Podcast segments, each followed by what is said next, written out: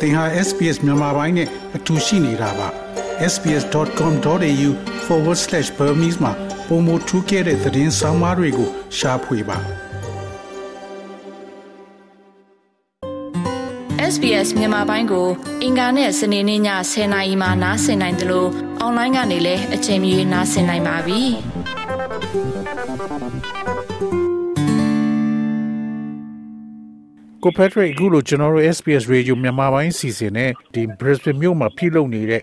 တရုတ်တန်ယုံရှိမှာဆန္ဒပြပွဲနဲ့ပတ်သက်လို့ရှင်းပြပေးမဲ့အတွက်ကျေးဇူးအများကြီးတင်ပါတယ်။ကိုဖက်ထရစ်ဆိုတာဘာတူလဲဆိုတော့နည်းနည်းမိတ်ဆက်ပေးပါ။ဟုတ်ကဲ့ကျွန်တော်နာမည်အပြည့်စုံကတော့ Patrick Cho လို့ခေါ်ပါတယ်ကျွန်တော်က Queensland CRPH NUG Sport Group ရဲ့ပြည်နယ်ကိုယ်စားလှယ်တစ်ယောက်ဖြစ်ပါတယ်ခင်ဗျာဟုတ်ကဲ့ဒီနေ့အဲ့ Brisbane မြို့ထဲမှာဒီတရုတ်ကောင်စစ်ဝင်ရုံရှိမှာ ဆန္ဒပြပွဲတို့ဟာမျိုးတစ်ခုရှိရလို့သိရပါတယ်အဲ့ဒါနဲ့ပတ်သက်ပြီးရှင်းပြပေးပါခင်ဗျာဟုတ်ကဲ့ကျွန်တော်တို့ဒီနေ့ကျွန်တော် Queensland ပြည်နယ် Brisbane မှာရှိကြတဲ့တိုင်းသားအဖွဲ့အစည်းတွေတရင်တိုင်းသားအဖွဲ့အစည်းတွေနောက်ပြီးတော့ကရင်နေတိုင်းသားအဖွဲ့တွေချင်းတိုင်းသားအဖွဲ့အစည်းတွေလည်းပါပါတယ်မြန်မာမိသားစုတွေလည်းပြပြီးတော့တရုတ်ကောင်ဆလာရုံးရှိမှာကျွန်တော်တို့ဆန္ဒပြကြပါတယ်ဒီဆန္ဒပြပွဲရဲ့အဓိကအရွေးချက်ကတော့ကျွန်တော်တို့အမျိုးသားညီညွတ်ရေးအစိုးရရဲ့ three cat strategy ဖြစ်တဲ့ဒီဝိုင်း ပိတ်ဆို့မှု economic sanction နောက်ပြီးတော့ကတန်တမန်ရေးရဖြတ်တော့မှုပြီးတော့လက်နက်ရောင်းဝယ်မှုတွေရပ်ဆိုင်းဖို့ပိတ်ဆို့ဖို့ဆိုတဲ့ strategy သုံးနှစ်ပတ်သက်ပြီးကျွန်တော်တို့အဓိကထားပြီးလုပ်တာပါလုပ်တဲ့နေရာမှာကျွန်တော်တို့ရှင်းရှင်းလင်းလင်းနဲ့ဒီနေ့ကျွန်တော်တို့ကြေညာချက်ထဲမှာလည်းထည့်ထားပါတယ်ကျွန်တော်တို့ဟာတရုတ်လူမျိုးတွေကိုတရုတ်နိုင်ငံသားတွေကိုစန့်ကျင်ဆန္ဒပြပွဲမဟုတ်ပါဘူးတရုတ်အစိုးရနဲ့တရုတ်ကွန်မြူနစ်ပါတီကနေပြီးတော့ဗမာပြည်ပေါ်မှာထားတဲ့ policy ဟာမျှတမှုမရှိတဲ့အတွက်ကျွန်တော်တို့ဒီမှာရှိနေတဲ့ တိုင်းသားညီကိုမောင်မတွေကျွန်တော်မြို့မမြို့ဖားတွေကျွန်တော်ဆန္ဒထုတ်ပေါ်ပြသတာဖြစ်ပါတယ်တရုတ်ကောင်စစ်ဝင်ရုံးကအမှုထမ်းတွေကိုအဲ့လိုဒီ statement တွေပါပေးတာရှိပါလားစာတွေပါပေးတာရှိပါလားဟုတ်ကဲ့ခင်ဗျာကျွန်တော်တို့ဒီ CRPH NUG Sport Group Australia နေပြီးတော့ nationwide ဟို statement တစ်စောင်ထုတ်ပါတယ်အဲ့ဒီ statement ကိုကျွန်တော်တို့ Queensland ပြည်နယ်ကနေပြီးတော့အခုဒီ Brisbane မှာရှိတဲ့တရုတ်ကောင်စစ်ဝင်ရုံးကိုကျွန်တော်တို့ သူ့ကိုတရေဝင်ပေးပို့ခဲ့ပါတယ်။နောက်ကျွန်တော်တို့တရေဝင်စာနာပြမယ်ဆိုတဲ့အကြောင်းလည်းအကြောင်းကြားတဲ့အတွက်ဒီနေ့မရှိနေတဲ့ရဲတွေအစလုံခြုံရေးယူပေးပါတယ်။နောက်ပြီးကျွန်တော်တို့သူတို့ရှေ့မှာအေးအေးချင်းချင်းနဲ့ငြိမ်းငြိမ်းချမ်းချမ်းကျွန်တော်တို့စာနာကိုထုတ်ဖော်ပါတယ်။နောက်ပြီးတော့ကျွန်တော်တို့ထုတ်ပြန်ကြေညာထားတဲ့ဒီ statement ကိုလည်းကျွန်တော်တို့ဒီနေ့အဲ့ဒီရှေ့မှာဖတ်ခဲ့ပါတယ်။ဆိုတော့ကျွန်တော်တို့ဒီ statement ထဲမှာအဓိကအချက်နှစ်ချက်ပါကျွန်တော်တို့ပြောတာကတော့ဒီချက်ကတော့ဗမာပြည်ကြီးဘာဖြစ်ဖြစ် ဘသူတေးသေးငတေမိုင်းပြီးတော့ဆိုရစီးပွားရေးအလိုတစ်ခုတည်းကိုကြည့်ပြီးတော့အလိုလောဘတစ်ခုတည်းကြည့်ပြီးတော့ရင်းနှီးမြှုပ်နှံမှုတွေမလုပ်ဖို့အတွက်ဒီအတွက်လည်းအာမခံချက်မရှိဘူးမလုပ်ပါနဲ့ဆိုတဲ့ကိစ္စကိုကျွန်တော်ပြောသလိုတရုတ်အစိုးရဟာကုလသမဂ္ဂနဲ့လုံခြုံရေးကောင်စီမှာအမြဲတမ်းဗမာပြည်ရဲ့ resolution တင်သမျှကို veto အာဏာသုံးပြီးတော့ရှုတ်ချနေတဲ့ကိစ္စတွေမလုပ်ဖို့နောက်တစ်ခုကသူတို့ပြောပြောနေတဲ့ပြည်တွင်းရေးဝင်ရောက်မဆွတ်ဖက်ရေးဆိုတဲ့မူဟာသူဟာတရုတ်ကွန်မြူနစ်ပါတီဟာပြောင်ပြောင်တင်းတင်းဝင်ရောက်ဆွတ်ဖက်နေတာတွေနဲ့ပတ်သက်ပြီးတော့ ကျွန်တော်တို့တော်တော်ဒါနဲ့ပတ်သက်ပြီးတော့ကျွန်တော်တို့ဆန္ဒကိုထုတ်ဖော်တဲ့ကန့်ကွက်တယ်ဒါနဲ့ပတ်သက်ပြီးကျွန်တော်တို့လက်မခံဘူးဆိုတာကိုကျွန်တော်ထုတ်ဖော်ပြပါတယ်အနေနဲ့ဒီဆန္ဒပြခြင်းဖြစ်ပါတယ်ခင်ဗျာအခုတို့ဆန္ဒပြတာတို့အဲတရုတ်ဒီကောင်စစ်ဝင်ရုံးကိုဒီ statement ပေးတာတို့ဘာလို့လုပ်တဲ့ဥစ္စာကိုသူတို့တုံ့ပြန်မှုတွေရှိပါလားတရုတ်အဲကောင်စစ်ဝင်ရုံးကကျွန်တော်တို့အခုဒီနေ့ဆန္ဒပြပွဲမှာတော့တရုတ်ကောင်စစ်ဝင်ရုံးရဲ့တာဝန်ခံလို့ယူဆရတဲ့သူတွေကသူတို့ထွက်ပြီးတော့တပ်ပုံတွေရိုက်တာရှိတယ်မှတ်တမ်းတွေတင်သွားလိုက်တာရှိတယ် စာကိုတော့ကျွန်တော်တို့ကနေပြီးတော့သူ့ကိုကျွန်တော်တို့စာတိုက်ကနေပြီးတော့ register လုပ်ပြီးတော့သူတို့ရှိတယ်ကျွန်တော်ပို့ပါတယ် email နဲ့လည်းကျွန်တော်ပို့ထားပါတယ်နှစ်ခုလုံးကျွန်တော်လုပ်ထားပါတယ်ခင်ဗျကျွန်တော်တို့ရဲ့တရားဝင်ထုတ်ပြန်ကြေညာချက်ကိုသူတို့ရှိပို့ပေးထားပါတယ်အဲ့ဒါနဲ့ပတ်သက်ပြီးတော့သူတို့ရှိရတော့ကျွန်တော်တို့ထုတ်ပြန်မှုမရှိသေးပါဘူးစာထဲမှာလည်းကျွန်တော်တို့ကိုဒါနဲ့ပြန်ပြီးတော့ဆက်သွယ်နိုင်တယ်ဆိုတော့စာလည်းကျွန်တော်ထည့်ပေးထားပါတယ်ခင်ဗျပြင်ဘက်ကိုထွက်ပြီးဓာတ်ပုံရိုက်တဲ့ဒီတရုတ်တန်ယုံထဲကဒီဝန်ထမ်းတွေကိုရောအဲ့လိုသွားမေးမြန်းတာပဲမရှိပါဘူးလားဘာအတွက်ကြောင့်အဲ့လိုဓာတ်ပုံရိုက်တယ်ဘာညာဆိုတာပေါ့လေ ကျွန်တော်တို့အဲ့ဒါတော့မလုပ်ပါဘူးခင်ဗျ။ဘာဖြစ်လို့လဲဆိုတဲ့အခါကျတော့သူတို့သူတို့ရဲ့ right လည်းဖြစ်ပါတယ်။ကျွန်တော်တို့နေတဲ့တိုင်းပြည်တော်ကဒါသူ့ရဲ့ right တစ်ခုဖြစ်တယ်သူနဲ့မှတ်တမ်းတင်မဲ့ရိုက်မယ်ဆိုလွတ်လပ်စွာရိုက်လို့ရပါတယ်။ကျွန်တော်တို့လည်းသူတို့ရဲ့တန်ရုံအဝင်ဝတကားယူကျွန်တော်တို့ပိတ်ထားတယ်။ရဲတွေကလည်းရပ်ထားပေးတယ်ကျွန်တော်တို့အဲ့ရှိမှကျွန်တော်တို့ငင်းငင်းချမ်းချမ်းနဲ့ကျွန်တော်ဆန္ဒပြတယ်တခုမှလည်းကျွန်တော်တို့အိုးပေါ်ပေါင်းနေသူတို့ဥပဒေချိုးပေါက်တဲ့ဟာမဖြစ်ကြဘူးကျွန်တော်တို့အေးချမ်းချမ်း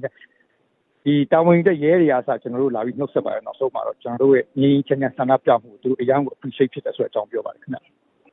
ဟုတ်ကဲ့တော့ကိုပက်ထရစ်ချိုတို့အနေနဲ့ဒီမြန်မာပြည်ထဲမှာတရုတ်အစိုးရဘာတွေလုပ်နေတာကိုအဓိကမချေမနက်ဖြစ်နေတာပါလဲတရုတ်ဆိုရရဲ့အဓိကကတော့အခုသူတို့ခေါ်တဲ့အိုးလမ်းမကြီးဆိုတာဟောက်စာကို CNEC ပေါ့နော်သူတို့အဲ့ဒါနဲ့ပတ်သက်ပြီးတော့ဒါဟာအကျိုးစီးပွားတစ်ခုတည်းကိုကြည့်ပြီးလုပ်တယ်ကျွန်တော်တို့ဒီနေ့ကျွန်တော်ထုတ်ပြန်ခြင်းတဲ့ထဲမှာပြောသလိုကျွန်တော်တို့စကားပြောရတဲ့ထဲမှာလည်းပြောတယ်ဥပမာအဖြစ်ပြောမယ်ဆိုလို့ရှိလို့ရှိရင်အခု ကျင်းနီတောင်လက်ဗရန်တောင်ကိစ္စမျိုးတွေမကြသေးခင်ကလူမြောင်များစွာတပ်ဖြတ်ပျက်စီးလိုက်တဲ့ကမ်ဘလူမျိုးနဲ့ပစည်းကြီးချေးကတပ်ဖြတ်မှုကိစ္စကို UN Security Council မှာတရုတ်ကနေပြီးတော့ပယ်ချတဲ့ကိစ္စမျိုးတွေနောက်တော့မြစ်ဆုံကိစ္စမျိုးတွေဒီလိုကိစ္စမျိုးတွေကကျွန်တော်တို့တိုင်းပြည်အတွက်ကျွန်တော်တို့လူမျိုးအတွက်အကျိုးစီးပွားမဖြစ်ဘဲတရုတ်အကျိုးစီးပွားတက်တာဖြစ်တယ်နောက်တစ်ခုကကျွန်တော်တို့ဒီကြောက်ဖြူရင်းနဲ့ရင်းနဲ့ပိုင်းမှာစောက်လုပ်နေတဲ့ကိစ္စတွေဒီပိုက်လိုင်းကိစ္စတွေဟာ အားလုံးကကျွန်တော်တို့ပြည်သူလူထုရဲ့အတန်ကိုနားထောင်မယ်ပြည်သူလူထုရဲ့ဆန္ဒကိုလိုက်လျောမယ်ဆိုလို့ရှိလို့ရှိရင်သူတို့ရဲ့အကျိုးစီးပွားတွေအားလုံးကလုံခြုံစိတ်ချမှုရှိမယ်ဆိုတဲ့ဥစ္စာကိုလည်းကျွန်တော်တို့ကတရုတ်ဆိုးအောင် message ပေးပါတယ်ခင်ဗျဟုတ်ကဲ့ဒါမဲ့များသောအားဖြင့်တရုတ်အစိုးရကတော့ကျွန်တော်တို့ဒါမျိုးသူတို့လုပ်နေတာတွေကိုမျှမျှတတဖြစ်ဖို့ပြောတဲ့ဒီအဖွဲ့အစည်းတွေကိုသူတို့နားထောင်လို့မရှိပါဘူးအဲ့တော့တရုတ်အစိုးရကို direct အဲ့လိုပြောဆိုတာအပြင်တခြား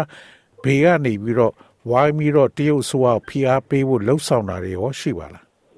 ကျွန်တော်တို့ကျင်းကတဲ့နေရာမှာလက်ရှိကျွန်တော်ရောက်ရှိနေတဲ့နိုင်ငံဩစတြေးလျနိုင်ငံဖြစ်ပါတယ်ဩစတြေးလျနိုင်ငံရဲ့လက်ရှိအာဏာရပါတီနဲ့တရုတ်နဲ့ဆက်ဆံရေးကိစ္စကိုလည်းကျွန်တော်အထူးကြီးစိုက်ပါတယ်ဒါကြောင့်မလို့ကျွန်တော်တို့စာရေးတဲ့ခါမှာလည်းဒီစာကတရုတ်ကံရုံတစ်ခုတည်းတည်းမဟုတ်ပါဘူးကျွန်တော်တို့ကဒီဩစတြေးလျဆိုရပိုင်းဆိုင်ရာတွေကကျွန်တော်တို့ပြေးပို့အောင်ဖြစ်ပါတယ်ဒီကဆရာမေးတဲ့မေးခွန်းမျိုးပါပဲတရုတ်ဟိုဓာတ်ရိုက်မဟုတ်တော့ပဲဝိုက်တော့နီးနဲ့ ဩစတြေးလျအစိုးရအနေနဲ့ဒီကိစ္စဗမာပြည်ကိစ္စကိုစိုးရင်လည်းဗမာပြည်ကိစ္စကိုပြောတော့မကင်တွယ်တဲ့ဆိုကိစ္စမျိုးတွေပြောအောင်ကျွန်တော်တို့ကြိုးစားသွားမှာဖြစ်ပါတယ်ဒီ Australia အစိုးရကဒီဝင်ကြီးတွေ Brisbane ထဲမှာရှိတဲ့ဒီဝင်ကြီးတွေနိုင်ငံရေးသမားတွေကိုတော့အဲ့ကို Patrick Choro အနေနဲ့သူတို့နဲ့တွေးဖို့စူးစမ်းတာတို့သူတို့သွားပြီးတော့စကားပြောတာတို့ရောရှိပါလား ကျွန်တော်တို့ပုံမှန်ထိတွေ့ဆက်ဆံတာဆိုလို့ရှိရင်လက်ရှိအခုအတိုက်ခံပါတီဖြစ်တဲ့ Liberal Party ရဲ့ Senator Postcard တို့ပေါ့နဲ့ကျွန်တော်တို့ပုံမှန်ကြည့်နေတာဖြစ်ပါတယ်။နောက်သူတို့ကိုယ်တိုင်ကလည်းကျွန်တော်တို့ဟိုတလတစ်ချိန်တော့ပုံမှန်တွေ့ဖို့အတွက်ကိုလည်းပြောတဲ့အတွက်ကျွန်တော်တလတစ်ချိန်တွေ့ပါတယ်။အခုမချာမီမှာကျင်းပတော့မှဖြစ်တဲ့ဒေါန်ဆန်းစုကြည်88ချိန်တော့အာဒီမွေးနေ့ပွဲမှာဆိုလို့ရှိလို့ရှိရင်ကျွန်တော်တို့သူတို့ဒီအစိုးရပိုင်းဆိုင်ရာလူကြီးတွေကျွန်တော်တို့နောက်အတိုက်ခံပါတီကလူတွေကျွန်တော်ဖိတ်ထားပါတယ်။ကြုံကြိုက်လာတဲ့အခါမှာလည်းဗမာပြည်နဲ့ပတ်သက်တဲ့ကိစ္စကိုလည်းသူတို့ပြောသလိုနောက်တစ်ခုကဆရာမေးတဲ့မိကုန်းမှာပါတဲ့ ဒါနဲ့ပတ်သက်ပြီးသူတို့သိအောင်ကျွန်တော်တို့လုပ်တဲ့နေရာမှာကျွန်တော်ဟာ CRPH UG Sport Group ရဲ့ဒီဟို Parliamentarian Front of Myanmar မှာကျွန်တော် focal person တယောက်ဖြစ်တဲ့အတွက်ကျွန်တော်တို့ရဲ့လှုပ်ရှားမှုအားလုံးကိုသူတို့ကိုကျွန်တော်ပြပို့ပါတယ်ကျွန်တော်တို့ရဲ့လှုပ်ရှားမှုအားလုံးသူတို့သိအောင်ကျွန်တော်လုပ်ပါတယ်ဆရာဟုတ်ကဲ့ဒီ liberal အမတ်ဒီပါတွေကရောအခုလောလောဆယ်မှာသူတို့ဒီ federal government ကိုစာရေးပြီးတော့သူတို့ပြောတာတို့ဘာလို့အဲ့အရာကိုလောက်တာရှိပါလား ဖက်သူတို့ပါလီမန်အတွင်းမှာစကားပြောတယ်ဆိုလို့ရှိရင်ကျွန်တော်မှတ်မှတ်ရရဆိုလို့ရှိရင်ကျွန်တော်တို့ဝိနက်ပြတင်ပြတယ်လို့ပေါ့စီနီတာပေါ့စကားဆိုလို့ရှိရင်ဗမာပြည် issue နဲ့ပတ်သက်ပြီးတော့ဒီတစ်ခေါက်တင်တော့ဆိုတော့ဒီချက်တာသူတင်တဲ့ဟာကိုကျွန်တော်ဗီဒီယိုဖိုင်နဲ့ကျွန်တော်ပြန်ပို့ပေးပါတယ်ဒါနှစ်က section မှာနဲ့ပတ်သက်ပြီးတော့ဒီတင်တဲ့ကိစ္စပါဆိုတော့အဲ့လိုမျိုးလေးတော့ရှိပါတယ်သို့တော်လည်းဆရာသိတဲ့အတိုင်းပဲဒီကနေ့ဩစတြေးလျဆိုရရဲ့ဗမာပြည်ပေါ်ထားတဲ့ policy ကိုယ်တိုင်ကစသူကအာဆီယံကိုရှေ့တန်းတင်ပြီးတွန်းနေတဲ့အနေအထားမျိုးဖြစ်တဲ့အခါကျတော့ သို့တော့ဩစတြေးလျဆိုရဗမာပြည်အရေးကိုတကယ်စီးစပ်သိထားတယ်ဆိုတော့ကျွန်တော်တို့အကျွမ်းမဲ့ယုံကြည်ပါတယ်သို့တော်လည်းဒီတက်ပိုပြီးထိထိရောက်ဖြစ်အောင်လုပ်ဖို့ဆိုတဲ့ကိစ္စတွေကိုလည်းကျွန်တော်တို့ CRPH State and Territorial လူတွေကပုံမှန်ကျွန်တော်တို့သူတို့နဲ့ defect နဲ့ပုံမှန်တွေ့တိုင်းတွေ့တိုင်းဗမာပြည်ရဲ့အခြေအနေကို defect ကိုကျွန်တော်တို့တင်ပြပါတယ်ဆရာ NUG အနေနဲ့ရောအခုလုံးလုံးစင်မှာဒီမြန်မာစစ်အာဏာရှင်ကိုဖိအားပေးတာတို့ကန့်ကွက်တာတို့နဲ့ပတ်သက်ပြီးကဘာမှာလှုပ်ဆောင်နေတာတွေကကိုဘယ်လောက်အောင်မြင်မှုရှိပါလဲ စက်ကြည့်မယ်ဆိုရင်ကျွန်တော်တို့အခုဆို28လရှိပါပြီကျွန်တော်မြို့သားညီညွတ်ရေးအစိုးရဟာအမတန်ကိုလည်းထိထိရောက်ရောက်လှုပ်ဆောင်နိုင်ပါတယ်နိုင်ငံတကာမှာဆိုလို့ရှိရင်အခု UNG ရဲ့ကိုယ်စားလှယ်ရုံးနေဆိုလို့တော်တော်များများမှာဖွင့်ထားနိုင်တဲ့အနေအထားမျိုးရှိလာပါတယ်အာဆီယံနိုင်ငံတွင်းတွေမှာလည်းမကြောင်ဘူးဖြစ်ပေါ်လာတော့မှအခုအိန္ဒိယမှာဖွင့်တာဆိုတော့နိုင်ငံတကာအစိုးရအပိုင်းဝိုင်းအနေနဲ့ UNG နဲ့သူတို့တရားဝင်တွေ့ဆုံဆွေးနွေးတဲ့ပြောဆိုမှုတွေကမဟုတ်ပေညတော့လည်းပဲကျွန်တော်တို့နိုင်ငံခြားရေးဝန်ကြီးပြောတဲ့ quiet diplomacy အရ သူတို့ဆက်ဆံတာရှိပါတယ်တရုတ်အစိုးရနဲ့သူတို့ quiet diplomacy ဘိုင်းဆိုင်ရာတွေဆက်ဆံတာရှိပါတယ်အားရကျေနပ်မှုတွေရှိပါတယ်သို့တော်လည်းတချို့နေရာတွေမှာတော့ဟိုဘယ်လိုခေါ်မလဲကျွန်တော်တို့ overnight နဲ့မဖြစ်နိုင်တာတွေတော့ရှိတာပေါ့ကြည့်ပြီးကျွန်တော်တို့ NUG ခေါင်းဆောင်တွေကတော့စနစ်တကျနဲ့နိုင်ငံတကာအစိုးရကိုချင်းကပ်တယ်ပြောဆိုတယ်ဗမာပြည်ကိစ္စကိုထဲထဲဝန်းနဲ့ကင်တွယ်ပေးဖို့အတွက်ကိုသူတို့လုပ်နေတာတွေတော့ဆရာတို့ကျွန်တော်တို့တွေအားလုံးနဲ့မြင်တွေ့နေပြီဖြစ်ပါတယ်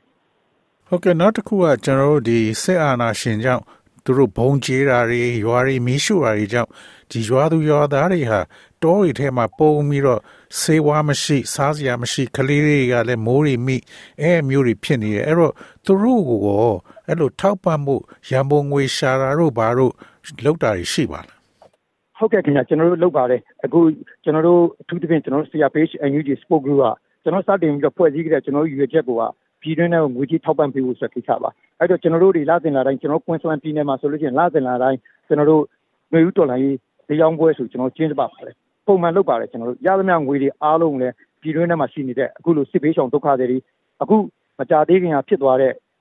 ရခိုင်ပြည်နယ်ဘက်မှာဖြစ်တဲ့မိုးခါဆိုင်ကလုန်းနဲ့ပတ်သက်ပြီးအဲ့ဗစ်တန်တွေရဲ့အမိုးအကာစေဝါလုံခြုံမှုရရှိဖို့အတွက်ကိုကျွန်တော်တို့ ဒီတမန်ကြီးဒူဝါလာရှိကနေပြီးတော့ presidential emergency fund ဆိုပြီးတော့လုပ်ထားတာရှိပါတယ်အဲ့ဒါကိုကျွန်တော်တို့ Queensland CRPH ကနေပြီးတော့1000နဲ့2000တိတိကျွန်တော်တို့ထူထမ်းထားပါတယ်အဲ့ဒီရုပ်ဆောင်လည်းတမန်ကြီးကိုယ်တိုင်နဲ့သူတို့ထူထမ်းတာတွေကျွန်တော်တွေ့နေရပါတယ်ဆိုတော့ဒီလိုမျိုးခက်ခဲတွေရှိတဲ့တဘာဝဘေးရန်တွေပဲဖြစ်ဖြစ်စစ်ဘေးဒဏ်တွေပဲဖြစ်ကြပါစေလေအဲ့ဒါတွေစစ်ဘေးရှောင်တွေကအစပါလေအစသက်ရရအောင်ပြည့်ပြည့်စုံစုံမဟုတ်သည့်တိုင်တော့မှလောက်ကင်ဆောင်ရပေးနေတာတော့ကျွန်တော်တို့အားလုံးဆရာတို့အားလုံးတွေ့နေရမှာဖြစ်ပါတယ်ခင်ဗျ NUG အနေနဲ့ရော ဒီမြန်မာပြည်ထဲမှာပေါ့လေအဲ့လိုဒီရွာသူရွာသားတွေကိုထောက်ပံ့ငွေပေးတဲ့နေရာမှာဘယ်လောက်ထိထိရရသူတို့လုံနိုင်ပါလဲအမတန်လဲ good question မှာဘာဖြစ်လို့လဲဆိုတော့အခုဒီလိုရှိလို့ရှိလို့ရှိရင်ဒီ humanitarian aid ပေးဖို့စာကြီးလုပ်ကြတယ်အခုလည်းသမကအပါဝင်တခြား NGO တွေရဲ့ပို့ဖို့ကိစ္စလုပ်ကြတယ်နေမြေဒီမှာစစ်တပ်ကဒီနေ့ပိတ်ဆို့မှုတွေကြောင့်ပွားရေးလာရေးထောက်ပံ့ပံ့ပိုးရေးကိစ္စတွေကအတော်ခက်ခဲကြုံရပါတယ်ဒါလည်းအခုလည်းအခုရပိုင်းတော်တွေမှာဆိုတော်တော်များများတွေ့နေရပါတယ်အဆင်မပြေဘူး ပို့ရတဲ့နေရာမှာခုဗီတာနီဖြစ်တဲ့နေရာကိုလွယ်လွယ်ကူချောချောမွေ့မွေ့နဲ့အစားအစာတွေဆေးဝါးတွေအမိုးအကာတွေပံ့ပိုးပေးတာဆိုတော့အခက်အခဲရှိပါတယ်ဒီလိုအခက်အခဲရှိတာကိုလည်းအတက်နိုင်တဲ့တက်နိုင်ကုန်နီးလန်းနေနဲ့သူတို့ဒုက္ခရောက်နေတဲ့သူတွေလက်ထက်ကိုရောက်အောင်တော့ IUG ကအစဉ်စဉ်နဲ့ကြိုးစားဆောင်ရွက်နေတာရှိပါတယ်ဆရာဟုတ်ကဲ့ကို Patrick Show ခုလို့ကျွန်တော်တို့ SPS Radio မြန်မာပိုင်းစီစဉ်နဲ့ဆွေးနွေးပေးတဲ့အတွက်ကျေးဇူးအများကြီးတင်ပါတယ်နော်ဟုတ်ကဲ့ကျွန်တော်လည်း SBS ကိုအထူးပဲကျေးဇူးတင်ပါတယ်ဆရာ sbs.com.au/bemis ကို home နေရာမှာထားပြီးတော့အမြဲတမ်းနှာစင်နိုင်ပါတယ်။နောက်ဆုံးရသတင်းတွေ၊စောင်းမားတွေနဲ့စစ်တမ်းတွေမှာပါဝင်ပြီးတော့ဆက်သွယ်မှုလုပ်နိုင်ပါတယ်။ sbs.com.au/bemis ဖြစ်ပါတယ်ရှင်။